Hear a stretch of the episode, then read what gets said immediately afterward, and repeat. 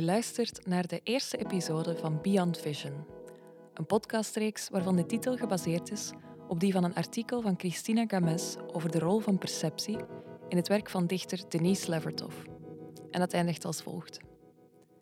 The most authentic knowledge, according to what Levertov has shown in her poems, lies in the apprehension of reality beyond vision. In elke aflevering gaan twee gasten met elkaar in gesprek over onderwerpen die zich in de schaduw van ons bewustzijn bevinden. Halthoudend tussen dode hoek en taboe, dat wat we niet graag openlijk bespreken of laten blijken en dus niet heel goed leren kennen. Dat wat anderen bij ons opmerken en waar wij geen weet van hebben. Of net die patronen in onze samenleving die alleen echt aangewezen kunnen worden door iemand van buitenaf. Boeken gidsen ons bij het zoeken naar en het belichten van deze onderwerpen.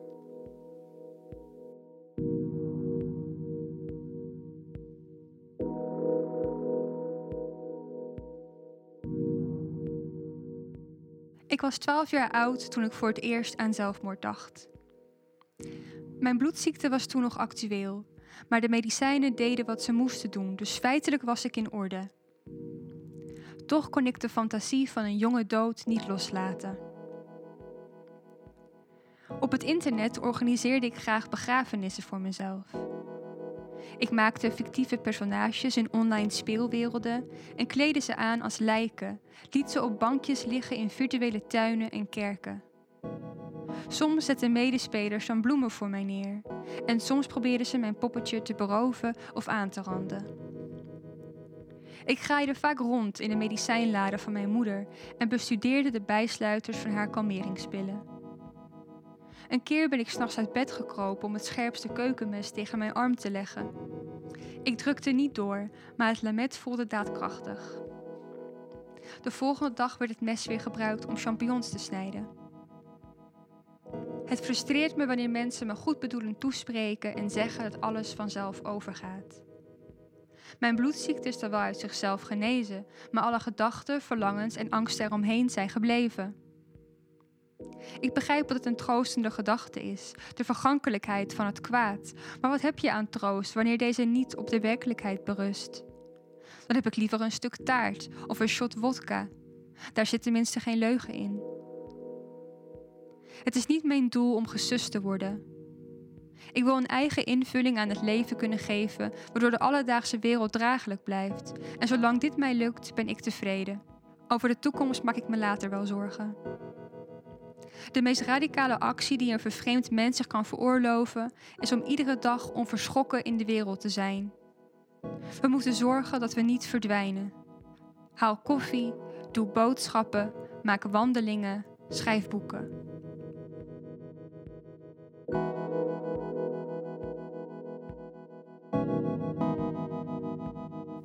Tessel Veneboer is een Nederlandse schrijver die jaren geleden Amsterdam inruilde voor Brussel. Ze doctoreert nu aan de Universiteit Gent, waar ze onderzoekt hoe seksualiteit en identiteit met elkaar verbonden zijn in experimentele literaire teksten. Tessel schrijft zelf ook graag literatuurkritiek en korte verhalen. Nadia de Vries is dichter en essayist. Ze is de auteur van de kritische memoires Kleinzeer, waaruit je zo net een fragment hoorde, en de Engelstalige dichtbundel Dark Hour. In 2021 zal haar tweede bundel I Fail to Swoon verschijnen. Daarnaast werkt ze aan een roman over fantasie en slachtofferschap. In onze eerste aflevering Ziek zien spreken Nadia en Tessel elkaar na het lezen en herlezen van On Immunity and Inoculation door Eula Biss en het essay When the Sick Rule the World van Dodie Bellamy.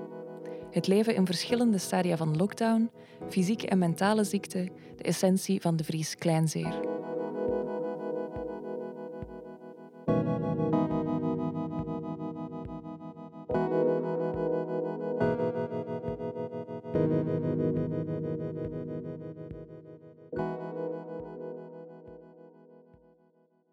Ik dacht, zullen we beginnen met Yula Bis haar, en haar boek On Immunity. Want ik dacht, misschien kunnen we...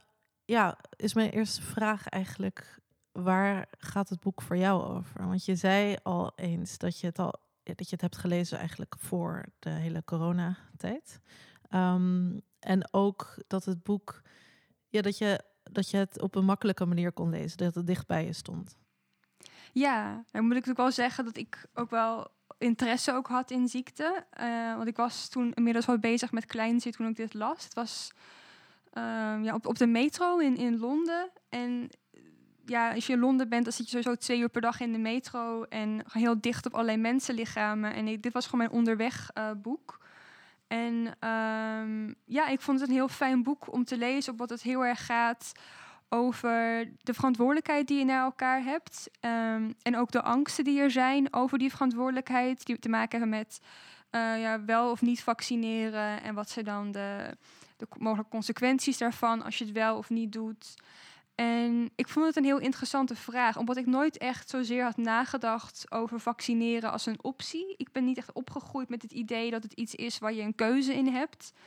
Ehm, en eh, ik vond het heel interessant om vanuit het Amerikaanse uh, perspectief uh, te lezen van waar, waar dat anti-vaxxers echt een ding is. En, um, en ik dacht dat ik als iemand die, die wel veel over ziekte gelezen had, dat ik daar wel ja, een, soort autoriteit op was. Maar dat er dus een hele wereld ging voor mij open hiermee. Van, oh ja, anti-vaxxers, dat is ook nog iets. Je kan ook tegen um, medicatie en tegen het hele farmaceutische project zijn van de vaccinatie. Want ja, hoe is dat eigenlijk voor jou? Want jij hebt hem in coronatijd gelezen, het boek. Ja, ik heb het eigenlijk heel recent gelezen, inderdaad. En ik denk, nu is die vraag ineens nou nog prangender dan hij al was. Natuurlijk, we leven met heel veel vaccins, waar we inderdaad in Nederland in geval is het grotendeels uh, gewoon om dat te nemen zonder daar vragen bij te stellen, denk ik, voor veel mensen. Um, en nu dat er nou ja, nog een nieuw vaccin aankomt, geloof ik dat die vraag toch echt wel opeens wel wordt gesteld. Ook door mensen die het misschien eerst niet deden. Wat het wel weer een ja, belangrijk onderwerp ineens maakt. Dus ja, voor mij was het boek eigenlijk inderdaad past heel goed bij deze tijd. Um, maar het is interessant dat het boek, ook al gaat het over inderdaad vaccins, over bijvoorbeeld voor de waterpokken en andere ziektes, die al heel lang eigenlijk door middel van vaccinatie nou ja, bedongen worden. Um, dat het wel goed laat zien de verschillende houdingen van mensen tegenover het vaccin en vaccinatie. Dat het door sommigen wordt gezien als iets onnatuurlijks, als iets dat het lichaam zelf zou moeten kunnen. En, en ik denk inderdaad, je zegt dat dat in Amerika de anti-vaxxers uh, groepering, maar die hebben we in Nederland ook wel. Hè? Ja, ja, en ook inderdaad wat je zegt, het idee van wat natuurlijk is. Want ik vind dat sowieso een vrij, ja, vanuit het, ja, het perspectief van validisme een heel interessant idee. Want je hebt natuurlijk, um, ja, als je diabetes hebt en je hebt insuline nodig en dat moet je elke dag um, ja, kunstmatig of eigenlijk handmatig inbrengen. Of als jij ja, e, e, enig ander medicijn, dat is ook een, uh, een interventie in ja, de natuurlijke loop van omstandigheden tussen aanhalingstekens. En ik vind dat een vreemde ja, een vreemde kijk eigenlijk erop van wat dan natuurlijk is of niet. Omdat je dan to toch denkt van ja, um, wie heeft er dan recht op een pijnvrij of op een functioneel uh, leven? En dat hebben we nu natuurlijk met, met die pandemie uh, in, de, in de vraag van een vaccin is dat op een veel grotere schaal van kunnen wij als samenleving functioneren um, als we bestand zijn tegen zo'n virus of kunnen we het ook zonder doen? En ja, het, wordt ineens zo'n. Uh, het is heel interessant om het op zo'n grote maatschappelijke schaal te trekken. In plaats van het individu van. Oh, een individu die ziek is. En oh, nu een hele. Echt een wereld die leidt aan een, een virus. Ja, want inderdaad, als je zegt dat als het vaccin wordt gezien als iets onnatuurlijks, is het eigenlijk heel vreemd. Want daarmee zeg je dat ziek zijn natuurlijk is. Nou ja, wat natuurlijk ook wel op wat meer. Maakt iedereen het wel eens mee en komt dat voor. Maar dat. Ja, dat het is iets vreemds om te zeggen dat dan het ziek zijn, dat, dat moeten we dan maar accepteren. Want dat vaccin nemen is een onnatuurlijk, onnatuurlijke beweging die de mens dan zou maken. Want je grijpt in in je immuunsysteem eigenlijk. Ja, en ook eigenlijk natuurlijk de vraag van, van God. Bijvoorbeeld, uh, Bis haalt ook meerdere keren dan, dan ook God aan in het boek. Uh, gewoon als noemer van als dan een van de grote factoren in het denk- en het ontdekkingsproces van de mens. Van, oh ja, welke factoren spelen hier een rol in? En ik denk zelfs vanuit die hoek dat je zou kunnen denken van ja, als de mens in staat is om een vaccin te maken, dan is het misschien ook wel dan de wil van dat dat gebeurt.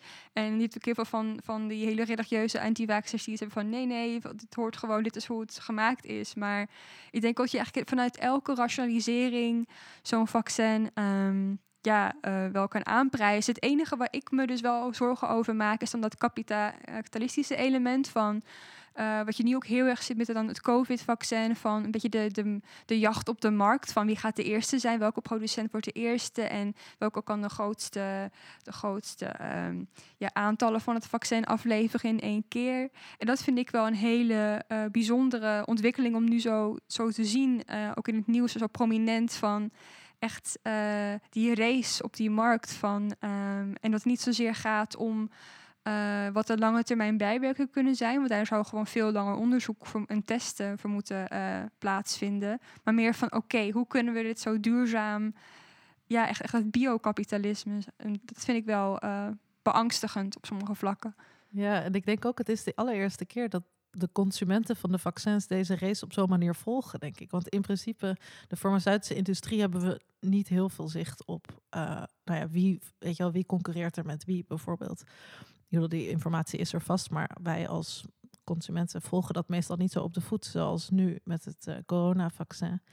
En, um, maar inderdaad, het is interessant. Nou ja, sowieso dat het een soort geheimzinnig gedoe wordt. Want het is, niemand wil zeggen wat is eigenlijk de kostprijs om het vaccin te maken, bijvoorbeeld.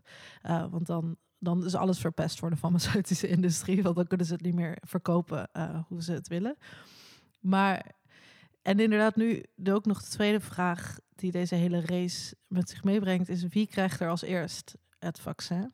Dus welke lichamen hebben er recht op bescherming ja, en, en, dat lijkt heel erg af te hangen met inderdaad welke lichamen het meest waardig worden geacht voor zo'n vaccin. En in dit geval dus zijn dat dus dan de kwetsbare. Maar dan natuurlijk de vraag, wat zijn kwetsbare mensen? Um, ja, in Nederland gaat het heel erg over uh, ja, dus de risicogroepen, dus ouderen, uh, mensen met een verzwakt immuunsysteem, mensen die ja, op de frontlinie uh, werken, dus in de zorg en in het onderwijs.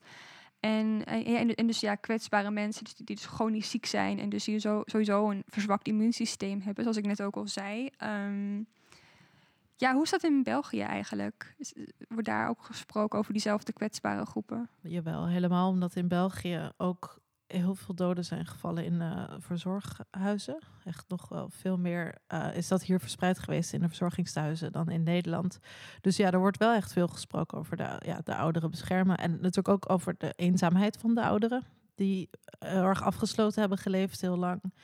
En, maar ik denk wel dat er soms, of er lijkt wel meer plaats te komen om ook misschien na te denken over de eenzaamheid van de anderen, die ook um, geïsoleerd zitten. Want natuurlijk is de eenzaamheid wordt niet door iedereen even um, zwaar beleefd, denk ik, maar wel. Ja, er zijn er zoveel mensen met mentale problemen die hierdoor niet meer de deur uitkomen of niet meer um, zelfs naar therapie kunnen of al die andere zaken. Dus ik denk wel dat als er wordt gesproken over risicogroepen, dan gaat het vaak over ja, de ouderen inderdaad en de mensen die uh, ziek zijn. Dus die een verzwakt immuunsysteem hebben. En wordt niet zozeer gekeken naar wie zijn nog de andere, misschien kwetsbare mensen in onze maatschappij die dit echt nodig hebben. Fear of contamination rests on the belief, widespread in our culture as in others, that something can impart its essence to us on contact. We are forever polluted, as we see it, by contact with a pollutant. And the pollutants we have come to fear most are the products of our own hands. Though toxicologists tend to disagree with this, many people regard natural chemicals as inherently less harmful than man made chemicals. We seem to believe, against all evidence, that nature is entirely benevolent. One of the appeals of alternative medicine is that it offers not just an alternative philosophy or an alternative treatment, but also an alternative language. If we feel polluted, we are offered a cleanse. If we feel inadequate, lacking, we are offered a supplement. If we fear toxins, we are offered detoxification.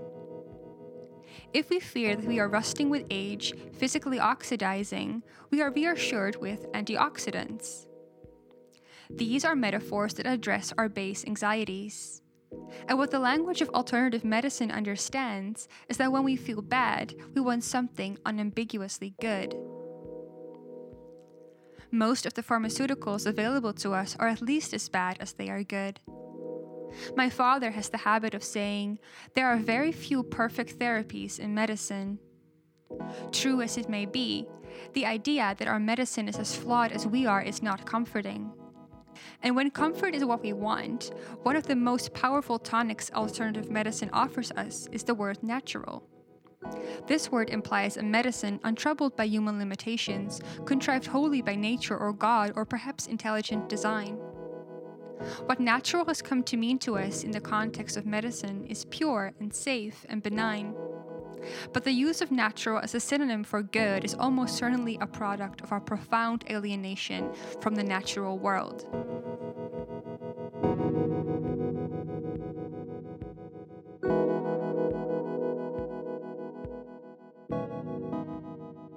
Het idee van uh, hoe zeg maar ook markt en, uh, en, en, een groep en individu samenkomen. Ik denk wat voor mij dan de grootste factor zou zijn als ik het vaccin zou moeten nemen, is dat ik bijvoorbeeld niet meer zou kunnen reizen of er gewoon bepaalde uh, professionele of, of sociale kansen mij zouden ontvallen omdat ik dat vaccin niet heb, heb genomen. En uh, beweert je dat dat kapitalistische denken van... oké, er zit natuurlijk ook zo'n zo'n idee achter. zou me niks verbazen als we over een jaar bijvoorbeeld een covid-stempel in ons paspoort kunnen krijgen... van oh ja, deze persoon is gevaccineerd of niet. Um, dus ik denk dat ook daarin een soort politiek gewicht aan zit van, van, qua burgerschap. Dat vond ik heel mooi um, om bij stil te staan in het lezen van dit boek. Van de bewustzijn van wat je allemaal met je meedraagt. Klopt. Ik vond aan de ene kant inderdaad is het heel interessant dat ze, ze heeft heel veel statistieken bekeken en heel veel uh, onderzoeken gelezen, wetenschappelijke onderzoeken. Die is eigenlijk vertaald naar, naar redelijk toegankelijke uh, journalistieke taal uh, voor ons. En wat ik daar interessant vond, was aan de ene kant hoe we dus al eeuwenlang bezig zijn met dit probleem van vaccinatie en het controleren van de groep eigenlijk. Waar dan ook vaak het woord herd immunity bij komt. Of weet je wel, dat het, uh, ja, het, gedrag van de kudde dat gecontroleerd moet worden of op een bepaalde manier ja, uh, in toom gehouden moet worden. Um, en aan de andere kant, dus aan de ene kant zijn het die analyses van de cijfers en hoe we ermee om zijn gegaan. En aan de andere kant, wat ik interessant vind aan haar boek, is hoe ze analyseert welke beelden en metaforen we gebruiken om te spreken over het lichaam en de groep. En aan de ene kant ja, is heel duidelijk dat er heel veel mensen hebben het idee van ik ben de baas over mijn lichaam. Dat is, nou, dat is wel een uh, algemeen uh, begrip, denk ik, dat iedereen denkt: oké, het is mijn lichaam, mijn gezondheid. Ik bepaal um, wat ik er wel en niet in stop en wat er wel en niet gezond voor me is. En vaccinatie is natuurlijk in strijd daarmee omdat vaccinatie gaat om de groep, het belang van de groep. En niet per se om het belang van één persoon. En um, ja, en ik denk dat, het, dat, dat wat, haar analyse interessant maakt, is die spanning tussen het individuele lichaam en het collectieve lichaam eigenlijk um, van ons allemaal. Dat je inderdaad ook een, een onderdeel bent van die kudde. En, um, en het is nu ook heel interessant met mondkapjes. Dat mensen ook denken van oké, ik doe geen mondkapje op. Want ja, uh, ik ben gezond of nou, geen zin in. Of ik ga toch, het is toch buiten. Uh, het is in die zin ook heel, een heel actuele uh, vraag. Maar inderdaad, het is een soort van natuurlijk het recht van zelfbeschikking. Van ik mag zelf kiezen wat ik in mijn lichaam stop. En mijn lichaam is van mij. Is eigenlijk het enige wat echt onmiskenbaar van mij is. En dan moet ik daar nu een soort buiten een, ja, een externe stof in stoppen. Wat, wat ook weer terugkomt op het idee van wat natuurlijk is. Want sowieso in, in een stad wonen en uh, openbaar vervoer, dampen en uh, noem maar op. Um, ik woon zelf in het centrum van Amsterdam. Ook heel veel ja, uh, wietdampen die mij dagelijks tegemoet komen. Ja, nu dan wat minder. Maar um, het is ook heel interessant. Zo, dat sowieso natuurlijk heel, heel lange tijd in een beetje de propaganda van rondom publieke openbare gezondheid. Ook wat met roken.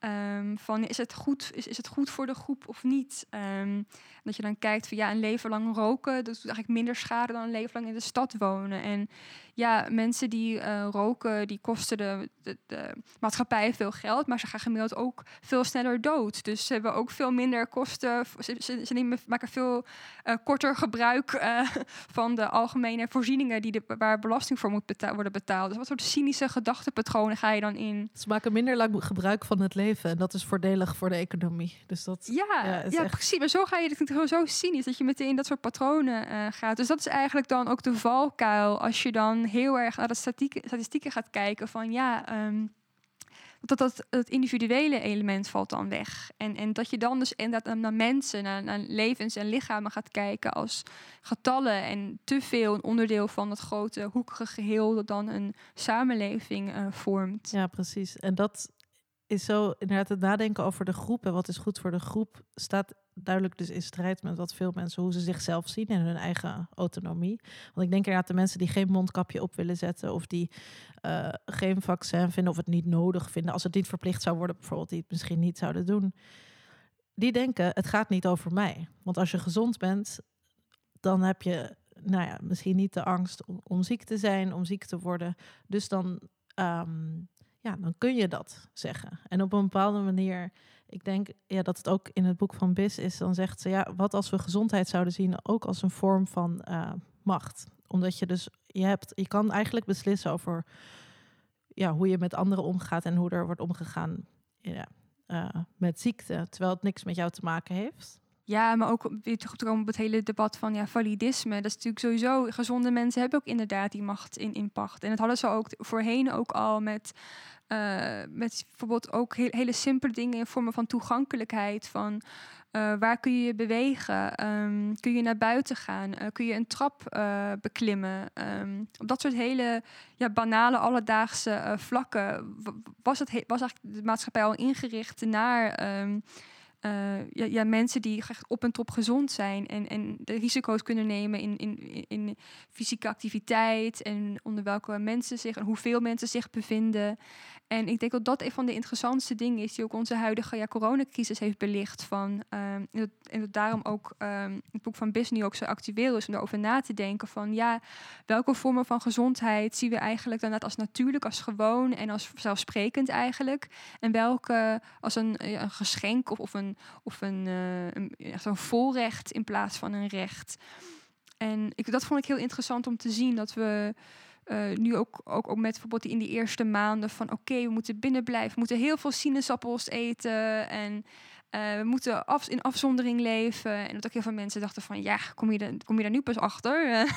dus zo leefde ik al twintig jaar afgezonderd met mijn vitaminepillen en mijn eh, infuus. Ja, precies. En, en dat bewustzijn is wel echt interessant. Dat eh, iedereen, of nou ja, zo goed als iedereen opeens geconfronteerd wordt met hun lichamelijkheid eigenlijk. Van oké, je moet voor je lichaam zorgen om, nou ja, ook wel, ik moest ook toen je net aan het spreken was, denken aan inderdaad dat de gezonde mensen in de maatschappij, als, als, als zij de norm bepalen of de norm is afgesteld zeg maar op hun, dat draait ook voor zo'n groot deel om werk. Dus wie is er in staat om te werken en wie is er, dat zien we nu ook met de coronacrisis, dat het grote probleem is dat er heel veel soorten werk nou ja, opeens niet kunnen worden uitgevoerd. Of, of omdat, eh, en dat op een bepaalde manier eh, is het ook cru dat iedereen zo in een, op een top gezond moet zijn om ja, te kunnen werken. En dat de mensen die inderdaad iets minder gezond zijn, dus als we het dan hebben over chronisch zieken bijvoorbeeld, die niet op dezelfde,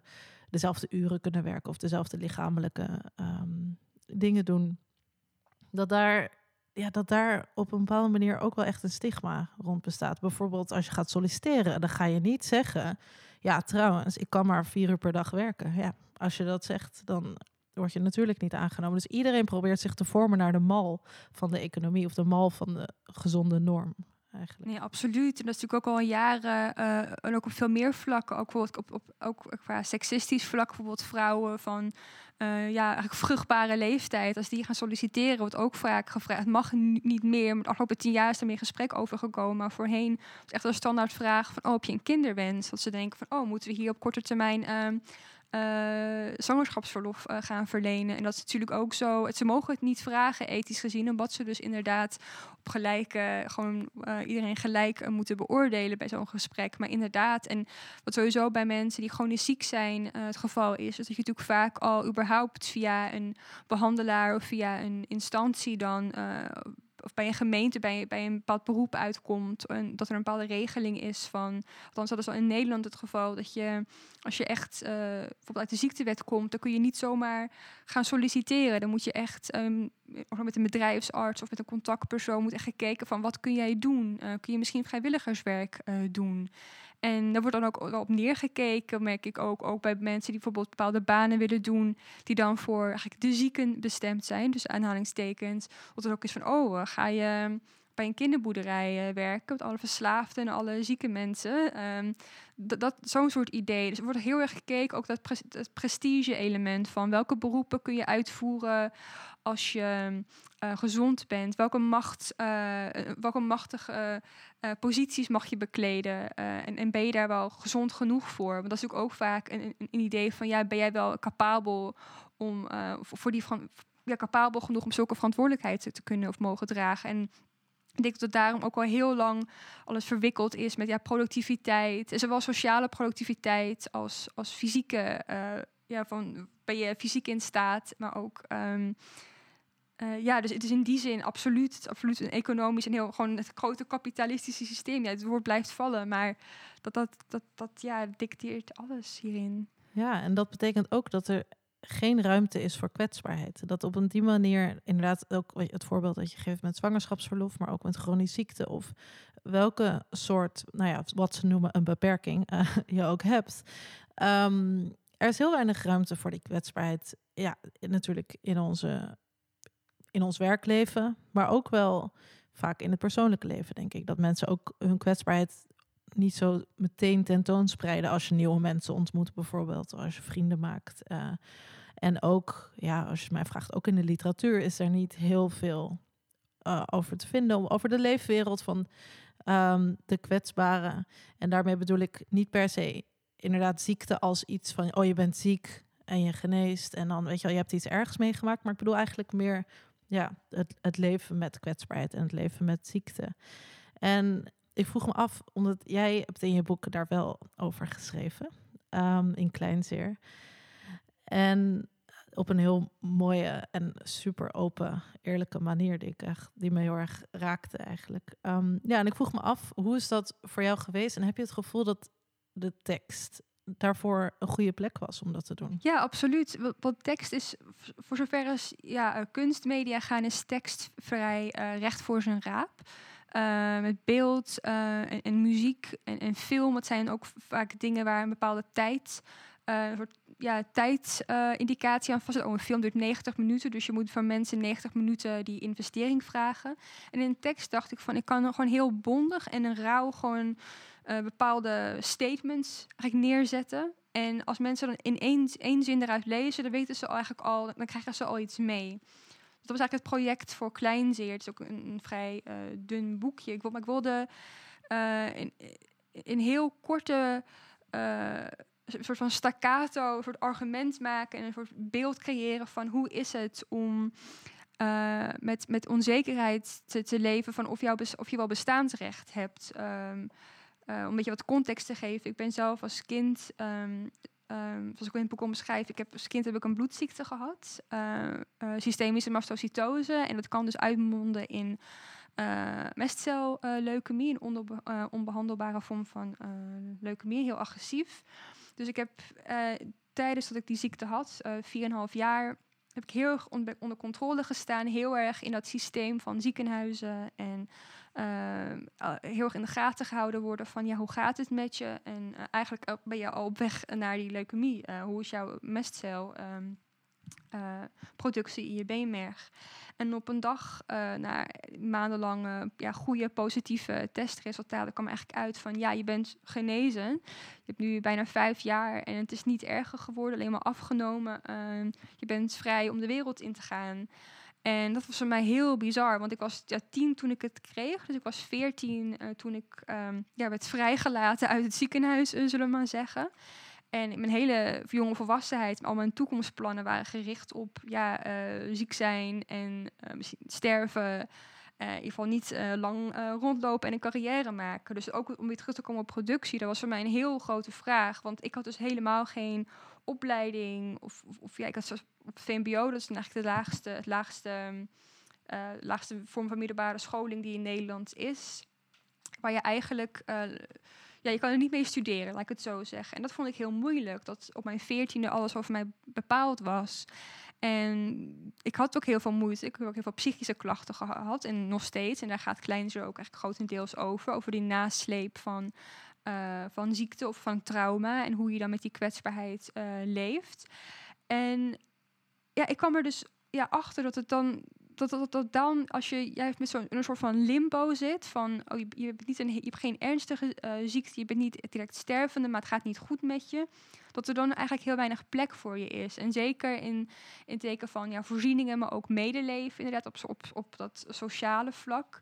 En, en daarom vond ik het zo fijn om aan dit boek te kunnen werken. Omdat ik heel erg mijn eigen subjectieve ervaring kon neerzetten. En het ook kon binden aan hele concrete, alledaagse en herkenbare momenten. Die voor mensen die niet een soort gelijke ervaring hebben, dat die echt kunnen zien, oh ja, daar moet je dan over nadenken als je die ervaring hebt. Ja, dus eigenlijk echt de dagelijksheid van de zieke ook. En alle, alle aspecten die daarbij komen kijken. Zoals sociale angsten of uh, de, de kleine dingen die moeten gebeuren. Op een gegeven moment schrijf je van. Um, we, we moeten doorgaan, de boodschappen blijven doen, wandelingen maken, eh, boeken schrijven. Um, dat inderdaad op die manier ja, wordt er een ruimte gecreëerd voor de zieke, een beetje uh, in de tekst en hier in een literaire tekst.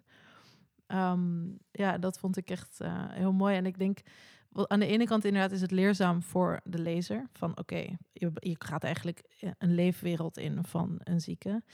En ja, ik vraag me af, heb jij het gevoel dat er dat dat ook nog te weinig is gebeurd in literatuur? Dat er zo de leefwerelden van zieken worden beschreven? Ja, er is ook wel veel literatuur over. Maar wat wel uh, belangrijk is, is dat om te beseffen is dat ziekte en echt dat het als een zwakte dus wordt gezien. Maar ook het heeft ook een associatie met uh, intelligentie en productiviteit. Er zitten ook heel veel ja, scheldwoorden. Um, zijn ook gebaseerd op, op validistische uitspraken. Um, het heel erg gedacht van oké, als je dit niet kan, dan ben je dom, of et cetera, et cetera. En um, dus, dus als jij als, als, als auteur, wat toch wel vaak als een intellectueel beroep wordt gezien, jezelf positioneert als iemand met een, een kwetsbaarheid, uh, dan eigenlijk het, het, loopt het risico uh, dat je dan niet als volwaardig ook auteur wordt gezien en dat je dan als een zelfhulpboekenschrijver wordt gezien of ieder als je over ziekte schrijft, je verkleint echt je kans zodat je op de literaire stapel terechtkomt. En je vergroot je kans zodat je ergens op een plank achter in de boekhandel of in de bibliotheek wordt neergezet. Dus dat is ook een soort, ja, um, ja, een soort catch-22 waar je dan in zit. Een soort van uh, ja, dilemma van je kan, je, je kan er ruimte voor maken, maar dan in binnen het literaire landschap is er misschien nog geen ruimte voor. Of een hele al uitgekerfde ruimte waarin zegt van oh ja, dit is voor dit is literatuur voor zielenpoot, voor mensen die hulp nodig hebben, maar niet voor de grote literaire um, ja, intellectuelen, zeg maar. Dus niet zoals de memoires van grote schrijvers die hun tienerjaren opschrijven, bijvoorbeeld. Waar dan, wat dan wel vaak tot ja, literatuur wordt gerekend. Um, maar dat gaat inderdaad dan over het tot stand komen van de grote schrijver en niet over de kwetsbaarheid van de schrijver of misschien de, de, de twijfelende kanten van het schrijverschap. Um, en inderdaad, de auteur als slachtoffer, er zitten ja, mensen niet zo vaak uh, op te wachten, denk ik. Nee, want ze willen een auteur. Ze denken van, oké, dit is een boek. Ik ga hier een paar uren aan zitten. Ik heb geen, uh, geen plaatjes erbij. Ik heb geen muziek. Ik moet alles zelf erbij bedenken. Uh, wil ik mijn tijd wel toevertrouwen aan deze persoon? En heeft diegene wel de kennis en de, en de stijl om mij te kunnen vermaken? Um, ik, hoorde dat ook veel als ik dan, um, toen mijn boek net uitkwam, dat ik aan mensen moest gaan vertellen wat over gaat. Dat mensen ook dachten, oh, zware kost, zware kost.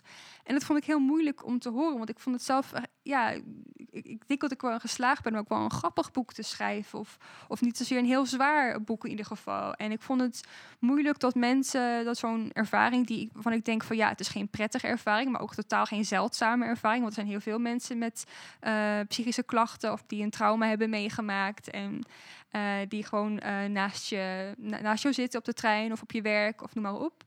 En ik vond het heel, heel typisch en ook wel zonde eigenlijk om, om, om meteen bij, zo vroeg al in het proces dat het boek eigenlijk net bestond, uh, om dat soort berichten al te krijgen. En dat mensen dachten, oh ja, dit, dit is een wel een, een speciaal boek, niet voor mij. Het ziet even, oh, even lekker zitten met een boek of zo. En ook natuurlijk omdat jouw verhaal wordt dan dus eigenlijk uh, geframed als iets dat uniek is, dat wat natuurlijk op, in, tot op bepaalde mate ook is. Maar ook als iets dat zo specifiek is dat het niet inderdaad iets is dat misschien met hun te maken heeft. Maar zoals je zegt, er zijn zoveel mensen met mentale problemen van allerlei soorten die inderdaad ook naast je zitten en in je familie en op je werk. En, en ja, in de ondertitel van je boek is dan ook de onzichtbare wereld van ziekte. En ik denk dat daarom zo belangrijk is dat er in het toch echt. Ik vind heel fijn dat je het hebt gedaan. Ook al heb je het risico genomen met op de gezondheidsplank uh, terecht te komen met je boek. Het is ook gebeurd overigens hoor. Oh, ja? overal op de gezondheidsplank nog steeds. Oh nee. Ja, ja. psychologie.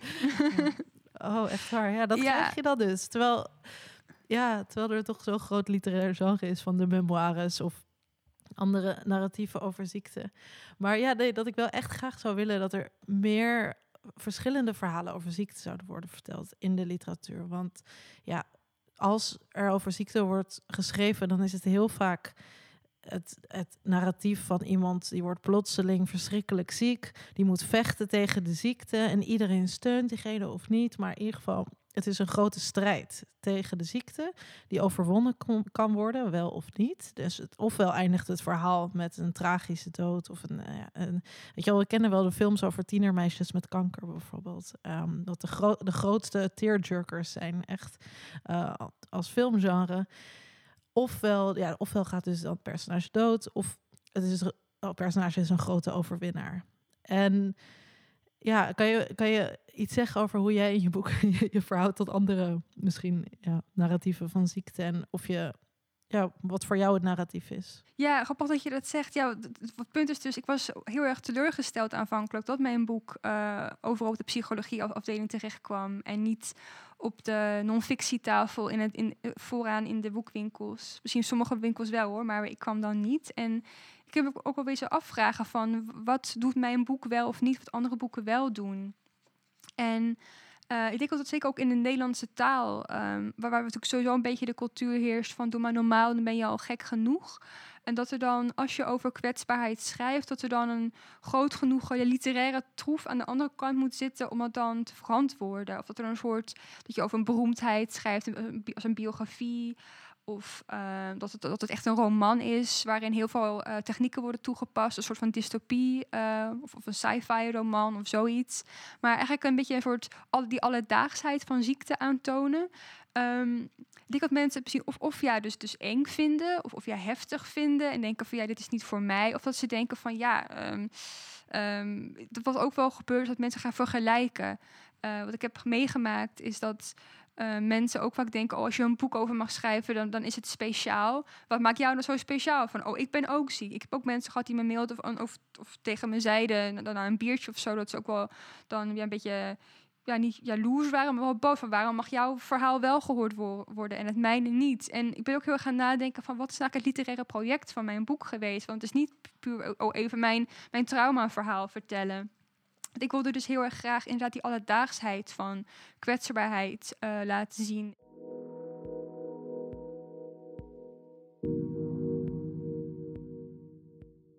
Kijkersfile. Een file die ontstaat na een auto-ongeluk, wanneer de niet betrokken automobilisten expres langzamer gaan rijden om een glimp van het ongeluk op te kunnen vangen. Of liever gezegd, een glimp van de slachtoffers van het ongeluk. Stoot het aanschouwen van leed ons af of vinden we het aantrekkelijk?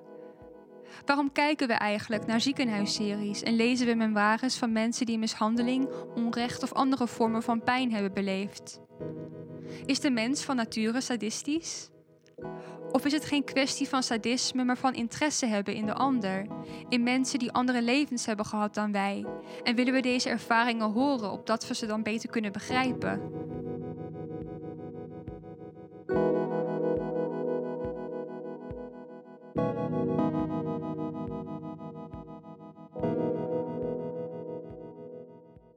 Ik denk dat literatuur daar wel ook echt een kracht in kan zijn. Dat, dat het door die werelden te laten zien in die leefwerelden, dat mensen misschien inderdaad niet meer liever wegkijken of liever niet aanhoren. Want bijvoorbeeld ook als je, weet je, als je chronisch ziek bent, denk ook ja, je kan, weet je, je wordt snel gezien als iemand die klaagt misschien. Of weet je, er is altijd wel iets. En weet je, het zijn allemaal kleine dingetjes die je dagelijks leven moeilijker of ja, zwaarder maken. Maar waar andere mensen toch liever niks mee te, maken hebben. Die hebben liever een helder narratief. Ja, gewoon iets waar er iets in mhm. gebeurt, iets spannends. En je hebt ook een, uh, er is ook helemaal een theorie, theorie nagedaan naar, uh, ja, naar ziekte-narratieven door uh, Arthur Frank. Die heeft een boek geschreven, The Wounded Storyteller. Daar onderscheidt hij ook tussen dan chaos-narratieven, zoektocht-narratieven. Um, uh, een, een, retributie-narratieven, dus waarin het dan dus goed komt. Uh, of wanneer ja, en eigenlijk alle verschillende soorten uh, manieren om over ziekte te schrijven. Dat eigenlijk het chaos-narratief, waarin iemand dus ja, vaak dus een, een, een, een ernstige ziekte zoals dus kanker krijgt. Dat eigenlijk een beetje het klassiek, de klassieke vorm is om, om een verhaal te schrijven van echt een grote. Er is een, een vijand, een, een aanwijsbare vijand, dus een tumor of een ziekte. En die moet dan de, de, de patiënt gaan of de, of de auteur gaan bestrijden. En, en dat is um, echt het beeld wat mensen hebben van, oh ja, dat is een verhaal met een begin en een einde. En dat is ook weer waar je ook zo cynisch van wordt. Om dan een ziekte, dan de, dan de narratieve potentie van een, een ziekte te gaan uh, uitpluizen. Van oh ja, hoe, hoe um, effectief is dit als een, voor een literaire vorm? Dat is ook wel weer ethische kwesties of ethische, ja, ethische vraagstukken die je erbij zou kunnen oproepen. Van ja, moet, moet een ziekte ook een, een, een esthetische vorm van entertainment zijn om, om, om noemenswaardig te zijn? Of mag het ook gewoon heel saai zijn of gewoon meanderen? Ja, of want, ziek zijn is ook vooral heel veel Het is vooral heel veel wachten en heel veel onzekerheid. En, ja, precies. Het is het leven met onzekerheid. Dat is het. En dan inderdaad misschien vaak op heel dagelijkse basis leven. Kijken hoe voel ik me vandaag vergeleken met gisteren. En weet je, dus inderdaad is het narratief uh, veel kleiner. En ik denk wel dat inderdaad daarom is de wereld van ziekte ook wel echt een beetje onzichtbaar. En ik denk nu met de coronacrisis dat er wel veel meer mensen zijn die er iets meer misschien geïnteresseerd in raken. Uh, omdat ze bijvoorbeeld nu voor het mhm. eerst zelf echt ziek zijn. En dat dan eens hebben meegemaakt. Nou, dan moeten we nog maar zien of hopen dat niet iedereen straks een heldennarratief gaat ophangen. Maar ik, maar ik denk, zoals we wel hebben gezien bij Trump natuurlijk. Maar ik, ik denk dat mensen ook misschien wel inzien wat nou ja, corona duurt toch zeker wel een paar weken.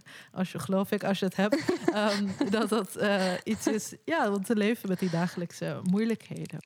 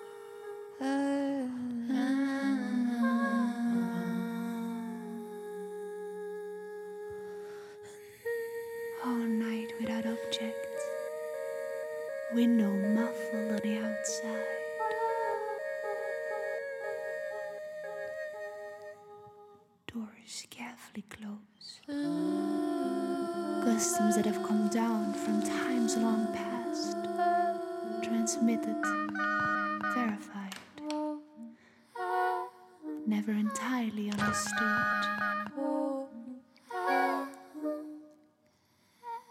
Oh, silence in the stairwell. Silence in the adjoining rooms.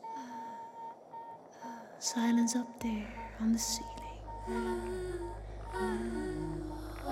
Outside, everything is immeasurable.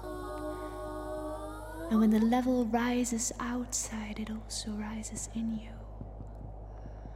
Not in the vessels that are partly controlled by you, or in the phlegm of your most unimpressionable organs, but it grows in the capillary vein, drawn upward into the furthermost branches of your infinitely ramified existence. This is where it rises, where it overflows from you, higher than your respiration, and as a final result, as though on the tip of your breath.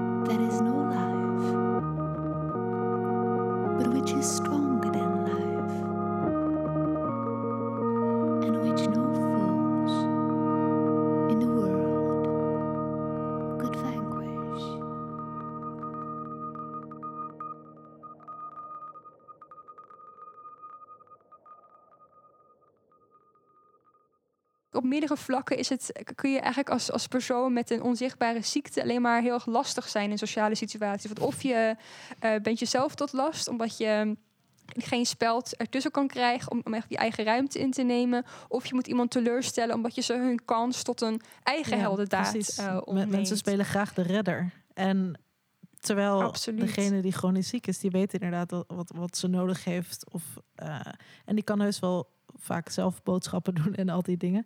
En ook, ook ja, Ja. hulp ontvangen van mensen die je niet per se heel goed kent, is ook niet echt aangenaam of comfortabel. Ja, want het is heel Mhm. intiem ook. Ja, boodschappen doen is ook ontzettend intiem. Van, oh ja, wat ga je deze week in je Ja. lichaam stoppen? Ja, we hadden het over vaccins. Nou, ik vind groentes kopen net zo eh, intiem hoor. Nee, precies.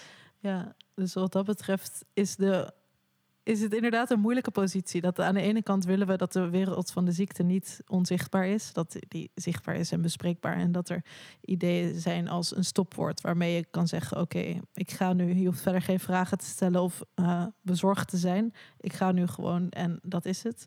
Ja, dat, dat, het, het is inderdaad ook helemaal als auteur dan denk ik ook... is het echt wel moeilijk om een ehm valabele po- positie in te nemen waarin je over die onderwerpen kan spreken zonder dat je wordt gereduceerd tot eh, het slachtoffer, Ja, tot eh, de zieke. ja, absoluut. En dat is ook de reden dat ik het boek ook ben begonnen met ook een vrij heftige positie waarin ik zelf niet het slachtoffer was. Om ook te laten zien van eh, mensen die ziek zijn of die getraumatiseerd zijn, zijn zelf ook tot, in staat tot, tot, tot heel nare of destructieve daden. Zowel tegenover zichzelf en anderen. Eh, en dat daarmee ook, eh, ik wilde ook heel graag daarmee het beeld van het aaibare slachtoffer eigenlijk ontkrachten. Van, ehm, en ook laten zien hoe veelzijdig de, de identiteit van een, een de zieke, of vooral de psychisch zieke, is. Dat het niet zozeer een heel teer poppetje is die het niks teweeg kan brengen in de wereld, maar ook iemand die eh, juist wanneer er niet goed ehm, mee wordt omgegaan, of het ook totaal mis kan gaan eigenlijk. Ja, maar eigenlijk dus eigenlijk een heel lang, ja, lang verhaal kort eigenlijk, om te laten zien hoe menselijk je bent. Ook al heb je een bepaalde zieke ervaring gehad, dat je ook daar op heel, met een heel eigen complexiteit mee omgaat. Ja. En aan het einde van het boek schrijf je dat je niet op zoek bent naar katar catharsis. Kan je dat eens uitleggen? Ja, van wat ik weet, van ook met van zo jong al met, met ziekte leven, want het gaat niet over. Het derde hoofdstuk, het, het heet dan Alles gaat over, maar het gaat niet over natuurlijk. En ook zeker als je op heel jonge leeftijd een traumatische ervaring meemaakt, dat blijft de rest van je leven in je systeem eh, zitten. Er is ook boeken over geschreven, ja, de- zoals eh, The Body Keeps the Score, is een hele bekende van, ja, wat is de uitwerking van een, een, een trauma van een psychische eh, moeilijke ervaring voor de rest van je lichaam. En ik weet ook dat ik dat daar de rest van mijn leven ook last van ga hebben. Gewoon die twijfel van, eh, van, van over mijn eigen bestaansrecht. Van oh ja, mag dit? Kan dit? Ben ik hier, ben ik hier goed genoeg? Of mag ik dit wel? En wat ook belangrijk is, is dat ook schrijven, ook los daarvan als literaire vorm, dat het ook juist ehm, niet per se is van oh ik ga het van me afschrijven, maar dat je juist ondanks die onzekerheid ook in staat bent tot het creëren van werk en dan of tot kunstenaarschap. En daarom wil ik mijn schrijven ook geen catharsis doen, maar gewoon een uiting van mijn kunstenaarschap. Van, oh, ehm, ja, ik schrijf hierover, want dit is wat ik weet en wat ik ken. Maar het is wel zeker een literaire tekst. En het is geen zelfhulptekst of een, een dagboektekst. En dat vond ik een heel belangrijk onderscheid.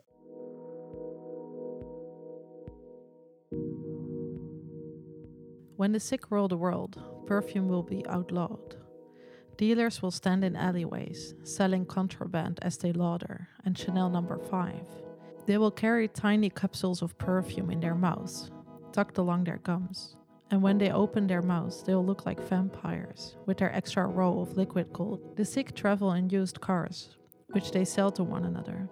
Cars that have never been detailed, that have been aired out and cleared with activated carbon felt blankets and zeolite.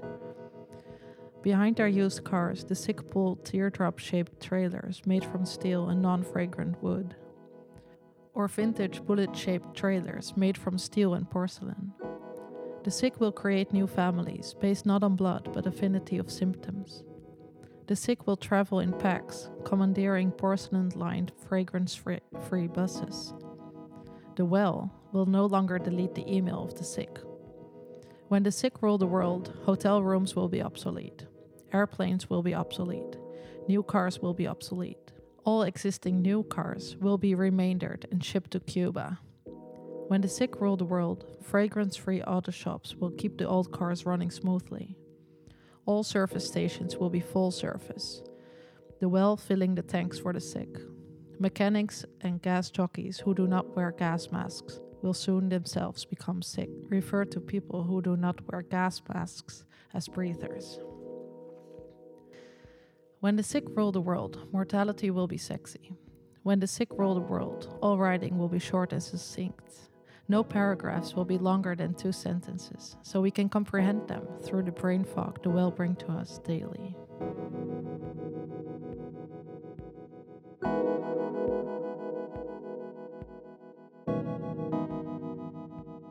Dodie Bellamy, een Amerikaanse experimentele romanschrijver, die heeft een boek essays geschreven. Dat heet When the Sick Rule the World. Ehm, wat ehm, één essay, waar één essay in zit, dat heet When the Sick Rule the World. Waarin Bellamy een gedachte-experiment uitvoert waarin ze nadenkt: wat als de maatschappij ingericht zou zijn op zieken? Dus dat alles in het teken staat van de ja, benodigdheden van de zieken.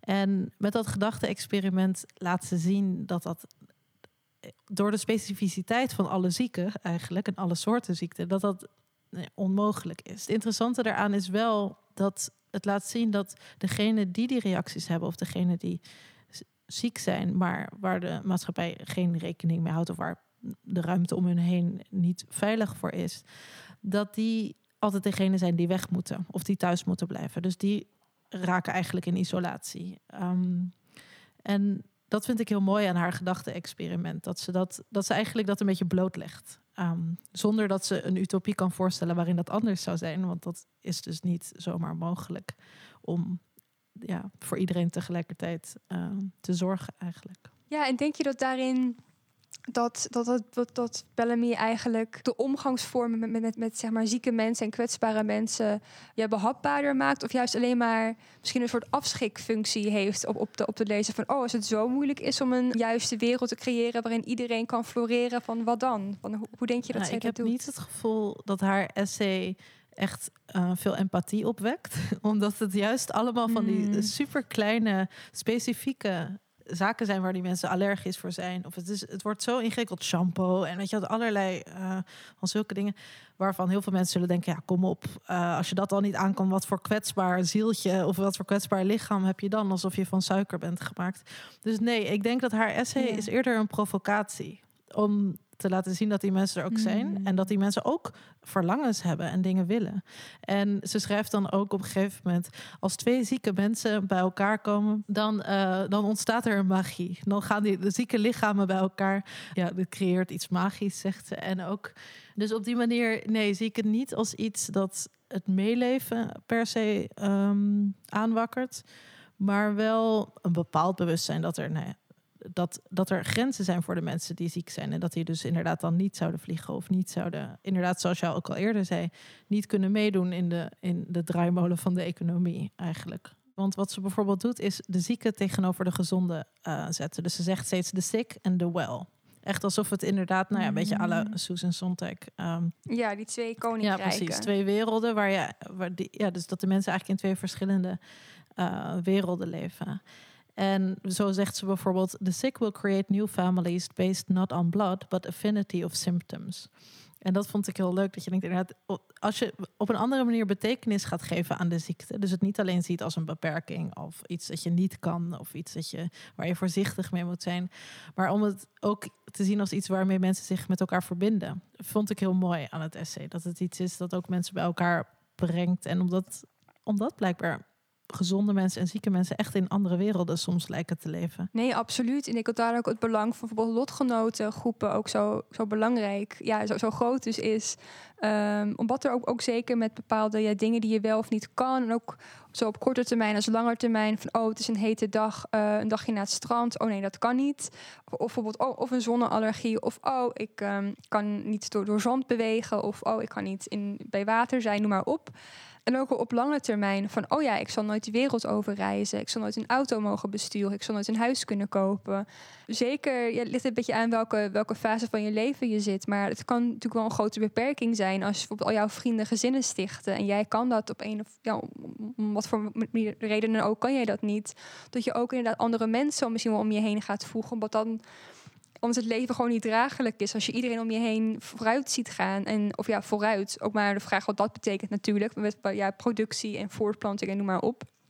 Maar het is ook ook een heel groot deel van je identiteit. Van een, een, een ziekte of, of gezondheid. Het vormt ook je, je opties in het leven heel erg. En je mogelijkheden. En ja, ik heb een hekel aan het woord empowering. Maar in die zin, toch even, oh ja, als de mensen die ziek zijn elkaar Ja. opzoeken. En eh, zelf een, een, een vorm vinden om ja, dat, dat gebrek tussen aanhalingstekens eh, ja, functioneel te maken of, of, of leefbaar te maken. Of misschien zelfs leuk Ja. te maken. Ja, ik denk het ook dat dat echt Ja, de- heel belangrijk is, omdat mensen, de meeste mensen toch de neiging hebben om het eerst te verbergen. En dan pas te kijken of je veilig bent of, of zoiets. Of voordat je die kwetsbaarheden gaat delen. Of tot, voordat je dat deel maakt van je identiteit.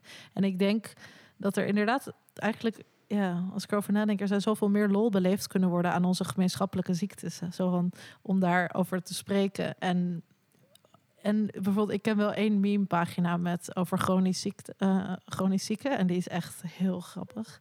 En oh, Chronically? Candid Memes, ik geloof ik. Ja, ik, ik, ik ja, dat Ja. dacht ik. Ehm, en nou, dat zijn allemaal memes van als je naar de dokter gaat, als je, als je weer eens de hele dag op bed ligt en iemand belt je op, weet je wel, hoe je dan reageert. Dat je dan zo bent van, oh, ja, van laat ja, me zo met van vandaag even niet. En dat je dan zo, ja, dus dat gewoon heel veel voorbeelden van eigenlijk ja, de alledaagsheid van leven eh, met ziekte. En ik, ja, toen, ik dat, toen ik dat ontdekte, dacht ik van, oh ja, je kan ook grappen maken hierover. Ja, Ja. was in- inderdaad, ik zie het alleen maar als iets dat je zo snel mogelijk van af wil. Dus je gaat, het- ja, je gaat er niet veel aandacht aan besteden, ook nog in je leven. Nee, maar het is ook heel erg. Mensen kunnen het ook natuurlijk als heel het is ook heel subversief om echt grapjes te maken over een ziekte. Omdat het dus A, heel ja, anticapitalist is. Ziek zijn is een anticapitalistische daad. Want je, bent, je kan niet produceren op de manier dat het is uh, wat van je wordt verlangd.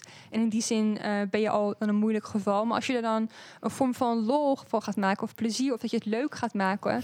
Dat, dat, dat kan heel... Um, ja. ja, dat, dat mensen dat dan niet oké okay vinden. En natuurlijk ja. ook wat... Ja, en ook wat ik weet van jouw oncologieafdelingen... dat ook dan ja, dat je dan ook toch met ja, het woord kanker dan grapjes gaat maken. Het is natuurlijk een, het is natuurlijk een scheldwoord. Maar als je het dan eenmaal hebt, dat je van nou, kan je wel grapjes maken. Wat, wat, wat een kankerziekte is dit.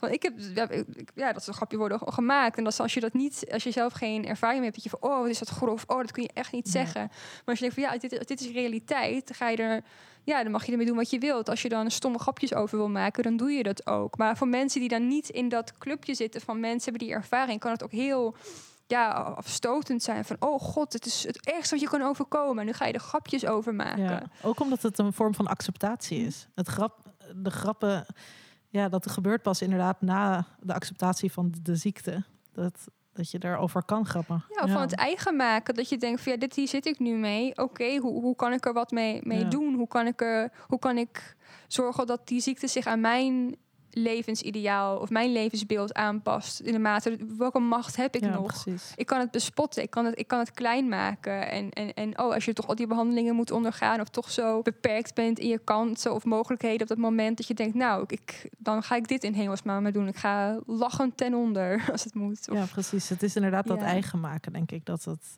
dat, dat je kan doen door grappen te maken of met lotgenoten te spreken. Ehm, en je wil natuurlijk niet dat anderen dat gaan doen voor jou, de grappen maken. Nee, want zij voelen het niet. Het is ook heel anders als het echt jouw realiteit is. En ook wat je zegt, ook acceptatie. Misschien komt die acceptatie ook mhm. helemaal niet. Maar gewoon die, die mentale reis die je maakt, omdat je, dat je moet beslissen of, of, of moet uh, moet, ja, moet accepteren of moet, moet, erkennen dat je in een bepaalde situatie zit. Of, of in een, die, of je, je leven bedreigd wordt, of dat gewoon je, je bewegingsvrijheid, eigenlijk op elke manier jouw jou, het dagelijks leven uh, een impact opgemaakt. Van ja, hoe kun je dat voor jezelf ja, behapbaar of wel leefbaar maken. En als andere mensen voor jou dat gaan invullen, dat is natuurlijk vreselijk. En ja, of dat ze nou grapjes gaan maken waar jij niet om hebt gevraagd, of die zij niet kunnen, ja, niet mogen maken, zou ik maar zeggen. Of heel erg bemoederen. Of ja, eigenlijk dat mensen jou in een rol stoppen die je zelf niet wil. Van, oh, of je bent, oh, je bent grappig, of oh, je bent zielig. Dat wil je allemaal niet. Je wil je eigen ja, pluraliteit van jezelf, van, van de zelf hoofdletter Z uh, houden. Ja. En ja, precies. En dan komen we ook weer terug bij soort van het, het individuele aspect ervan. Dat het echt heel erg toch soms zo lijkt te zijn dat we allemaal gewoon één grote verzameling individuen zijn die soms niet nadenken over um, wie we zijn als groep of wie we, hoe, we, hoe we hier samen mee omgaan. Want dat is denk ik inderdaad wat we nu in ons gesprek denk ik ook wel duidelijk is hoe ziekte de zaak van de zieke blijft. Of zo, en niet van iedereen. Mm. En um, ja, ik denk dat daar dat, dat wel een groot verschil zou maken. Ook zelfs voor inderdaad uh, waar je boek terecht komt. Ja, dat het toch een probleem van iedereen is. En niet alleen van degenen die ziek zijn en ja, te kampen met de dagelijksheid ervan. Maar ja, en dan. Ja, en dat is wat het boek van Bis wel ook echt interessant maakt. Is dat als je over vaccinatie nadenkt en immuniteit, dan moet je altijd over de groep spreken. En het, ons, ons gezamenlijke uh, lichaam. En we moeten daar aandacht aan besteden. En niet alleen aan onszelf. Ja, dat is ook die paradox dan van ja, uh, je wilt dan die menselijkheid en die individualiteit erkennen. Maar om dat te kunnen doen, moet je ook uh, de, de, de, verantwoordelijkheid voor iedereen in die, in die naaste omgeving ook willen inzien. Of in, in die samenleving of in die bepaalde ja, groep. En dat, dat, is ook, ook waarom het zo'n complexe zaak is. En waarom we hier ook nog wel, nog wel uren en jaren over zouden kunnen praten. Is omdat er geen klare vorm is. Ook bijvoorbeeld Bellamy, uh, dat, die, zij biedt een provocatie met haar boek, maar ook niet een oplossing. En um, ik denk dat ook Bis en ik ook in mijn boek, we geven allemaal geen grote oplossing. We geven mogelijkheden en ideeën. Maar er is geen um, ultiem antwoord. En, um, en, en die zoektocht, uh, om die dan literair te voeren. Ja, sommige mensen hebben daar meer belangstelling voor dan anderen. Juist omdat het dus een onprettig er is een onprettige associatie met ziek zijn of zwak zijn en kwetsbaar zijn. En Ja. ja, ik denk dat er daar ook wel wat terrein Ja. te, te winnen valt. Het is eigenlijk gewoon een heel ja, onsexy onderwerp natuurlijk om over te schrijven. Nee, absoluut. Ja. Kleine vraag van, denk jij dat eh, Bellamy erin slaagt om ehm, het onderwerp ziekte eh, sexy te maken door de experimentele en provocatieve vorm eh, die ze eraan geeft in haar tekst? Nou, sexy niet per se, omdat de manier waarop ze de ziekte beschrijft nog steeds eh, behoorlijk onprettig is. Zoals meestal als je over ziekte schrijft, denk ik. Maar misschien wel, ze verheft het natuurlijk wel tot het onderwerp van een essay en van een boek. En de manier waarop ze dat doet is heel erg speels eh, en experimenteel. En daardoor maakt ze het wel ook mogelijk om er misschien het, eh, een aantrekkelijke tekst van te maken. En de tekst is een soort van ja, opsomming eigenlijk van ideeën van wat als de zieken het voor het zeggen zouden hebben. When the sick rule the world. En die opsomming, Mhm. Ja, dat werkt wel als een, als een, als een goede tekst, vind ik. En ook wel op die manier eh, een sexy tekst. Maar de ziekte zelf, nee, dat, eh, dat, dat, dat kan helaas niet zomaar, geloof ik. Dus het is niet dat het door het tot onderwerp te maken van de tekst, dat het vanzelf een eh, aantrekkelijk onderwerp wordt. Maar ik denk wel dat haar tekst, ja, door dat opsommende en die herhaling, dat het een beetje speelt met hoe we daarover spreken. En, en hoe je erover na kan denken. Want eigenlijk wat ze doet, is ze stopt allemaal ideeën in je hoofd. Door te zeggen, oh ja, als ze zieken voor zeggen zouden hebben, dan zou, zouden we eh, ja, dus niet meer reizen. Dan zouden we elkaar allemaal kennen, omdat we van elkaar symptomen weten. En, ehm, en dat Mhm. ja, vind ik wel mooi. Dat is in ieder geval wel verfrissend dat ze in ieder geval met het onderwerp wel dan die vorm Mhm. aangaat. Dat ze wel inderdaad het, het, het, het, het waagt om eh, ziekte buiten de kaders van het dagboek schrijven Ja. en de zelfhulp te nemen. En inderdaad het, het onderwerp van zo'n gedachte-experiment te maken. In Nederland had je ook eh, vorig jaar kwam ook van Hannah Barefoot kwam een boek uit van Welkom in het Rijk der Zieken. Ik, ik vond dat ook een geslaagde ja, ehm, de daad van om, om van chronische ziekte een, eh, een science fiction verhaal te maken. Om het, om het naar, Ja, dat, naar die wereld te brengen. En dan niet in, in, in het kader van... oh, een dodelijk virus Mhm. gaat de mensheid eh, vermorzelen. Maar oh nee, eh, we leven hiermee. Dus ik denk dat we wel, ook zeker de afgelopen jaren... daarin wel een interessante ja. slag hebben gemaakt. Dat we meer toegaan naar ja, ziekte als onderwerp van het experiment. Als, een, als een literair experiment. Precies, het, het genre over ziekte, of de manier waarop over ziekte wordt gesproken, wel echt opengebroken moet worden. En ik denk dat teksten als Bellamy en eh, dus a Sick World World en Kleinzeer en inderdaad ook dat boek van Hannah Barefoot dat best doen. Omdat het wijkt in ieder geval af van het narratief van ja, de strijd van de ziekte die gevoerd wordt. En dat dat aan het einde van de strijd ook meteen het einde van het verhaal is. Dus het einde van het boek. En ik vraag me echt af of nu met de coronacrisis dat we echt nog veel meer boeken gaan zien over ziekte. Ja, dus dat is ook, ook, een, ook een appeltje dat ik daarmee te schillen Mhm. heb. Met, met het ziekte schrijven. Van wie mag er überhaupt over ziekte schrijven? En wiens stem mag Ja. gehoord worden? En eh, als dan jij zo'n grote naam even zo'n dagboek erin Ja. slingert, dan eh, ben ik Ook, wel ook terwijl we er nog middenin zitten natuurlijk. Maar inderdaad, ik ben ook sceptisch. Want als, als welk eh 18-jarig meisje dan ook, of nou, 25 of 30, een eh, dagboek schrijft over het dagelijks leven in bed met een beetje eh, ziek zijn en een, en een dagboekschriftje naast je, ja, dan wordt dat niet snel ehm, uitgegeven als literatuur, zou ik zeggen. Maar Nee, hoewel ik het wel dolgraag Mhm. zou willen lezen. ja, Ja, ik zou, ik zou, hem, ik zou hem kopen.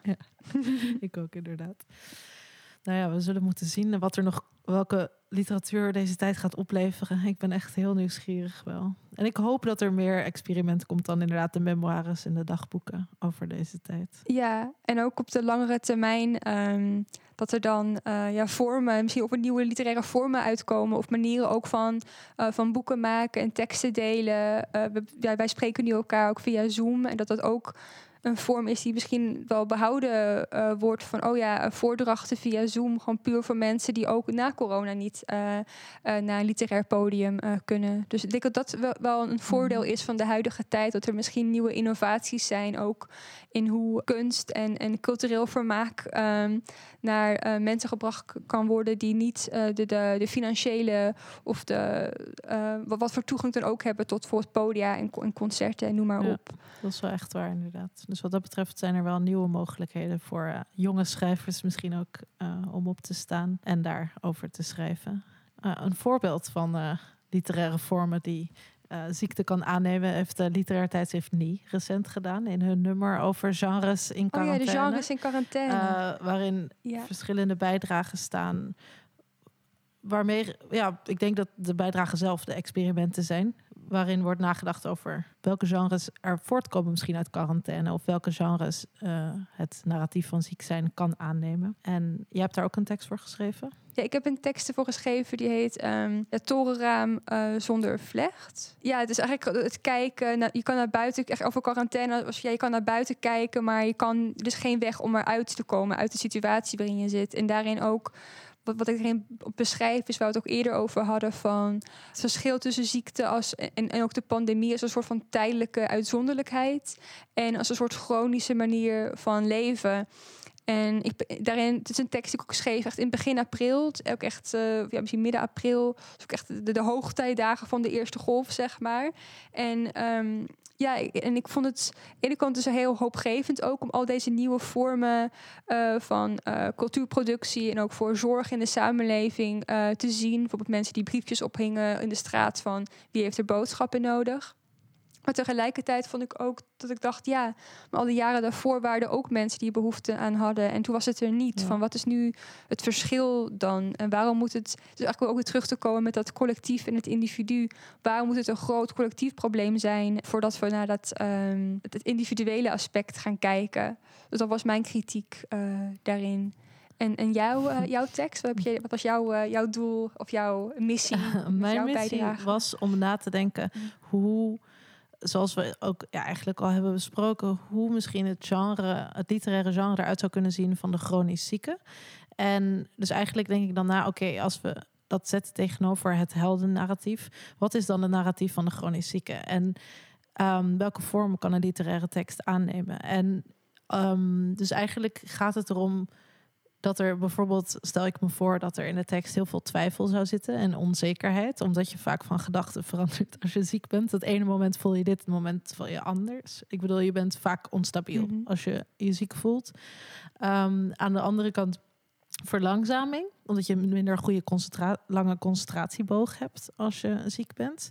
Dus ja, Bellamy eindigt ook haar essay met uh, When the sick rule the world. Dan zouden alle teksten um, niet langer dan twee paragrafen zijn, zodat iedereen het nog kan begrijpen. Die leeft met de hersenmist die ziekte um, met zich meebrengt. En dus in mijn essay, voor niet uh, gaat, gaat, ook, gaat ook over Bellamy en misschien dat de opsomming een vorm zou kunnen zijn van een tekst die ziekte uitdrukt, namelijk concentratie om het te lezen hoeft niet lang te zijn. Het is, het is uh, makkelijk begrijpbaar. Dus eigenlijk met, met, de, ziekte, met de zieke in het achterhoofd. Um, dus ja, mijn essay is meer een soort vraagstelling van wat kunnen we ons daarbij voorstellen. Ja, maar dat is ook heel interessant. Ik ga ook meteen denken ook op bijvoorbeeld ergonomisch vlak van oh, hoe een boek vast te houden, bijvoorbeeld ergonomisch goed in de hand ligt, of juist dat je niet hoeft vast te mm -hmm. houden. En inderdaad, ook wat je zegt, gewoon qua inhoud van hoe is iets op een pagina uitgelegd. Ja. Um, uh, hoe, hoe, groot is het lettertype? Dat zijn ook vragen die je ook kan stellen als, als ja, uitgever of maker van boeken. Van uh, welke mensen kunnen eigenlijk uh, de interactie aangaan met deze tekst op basis van hoe het is vormgegeven.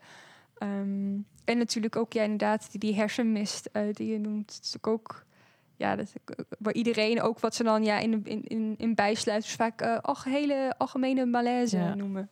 Ja, precies. Maar, maar dat is ja. te makkelijk. We willen graag details. Uh, en uh, meer specifieke... we willen ja, uitgedaagd we willen worden. uitgedaagd worden in onze, in, in onze tekst. dat denk ik wel.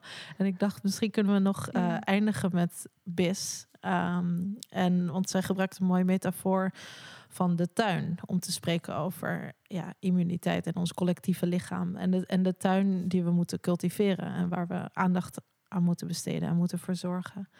Um, dus ik lees nog een stukje voor. If we extend the metaphor of the garden to our social body, we might imagine ourselves as a garden within a garden. The outer garden is no Eden, and no rose garden either. It is as strange and various as the inner garden of our bodies. Where we host fungi and viruses and bacteria of both good and bad dispositions. This garden is unbounded and unkempt, bearing both fruit and thorns. Perhaps we should call it a wilderness, or perhaps community is sufficient. However, we choose to think of the social body, we are each other's environment. Immunity is a shared space, a garden we tend together.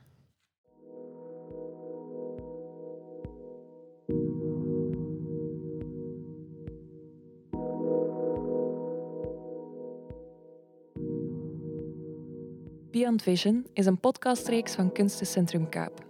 Ze past in een thematische lijn binnen onze werking, waarin we op zoek gaan naar wat zich schuilhoudt achter de façades van de stad. De muziek in deze aflevering maakt deel uit van A Sonic Study of Being Through Illness and Isolation van Brusselse zangeres, producer en researcher Mariske Broekmeijer. In haar doctoraal onderzoek richt ze zich op de artistieke relatie tussen muziek en migraine en gaat ze op zoek naar de esthetiek van de falende stem in een falend lichaam.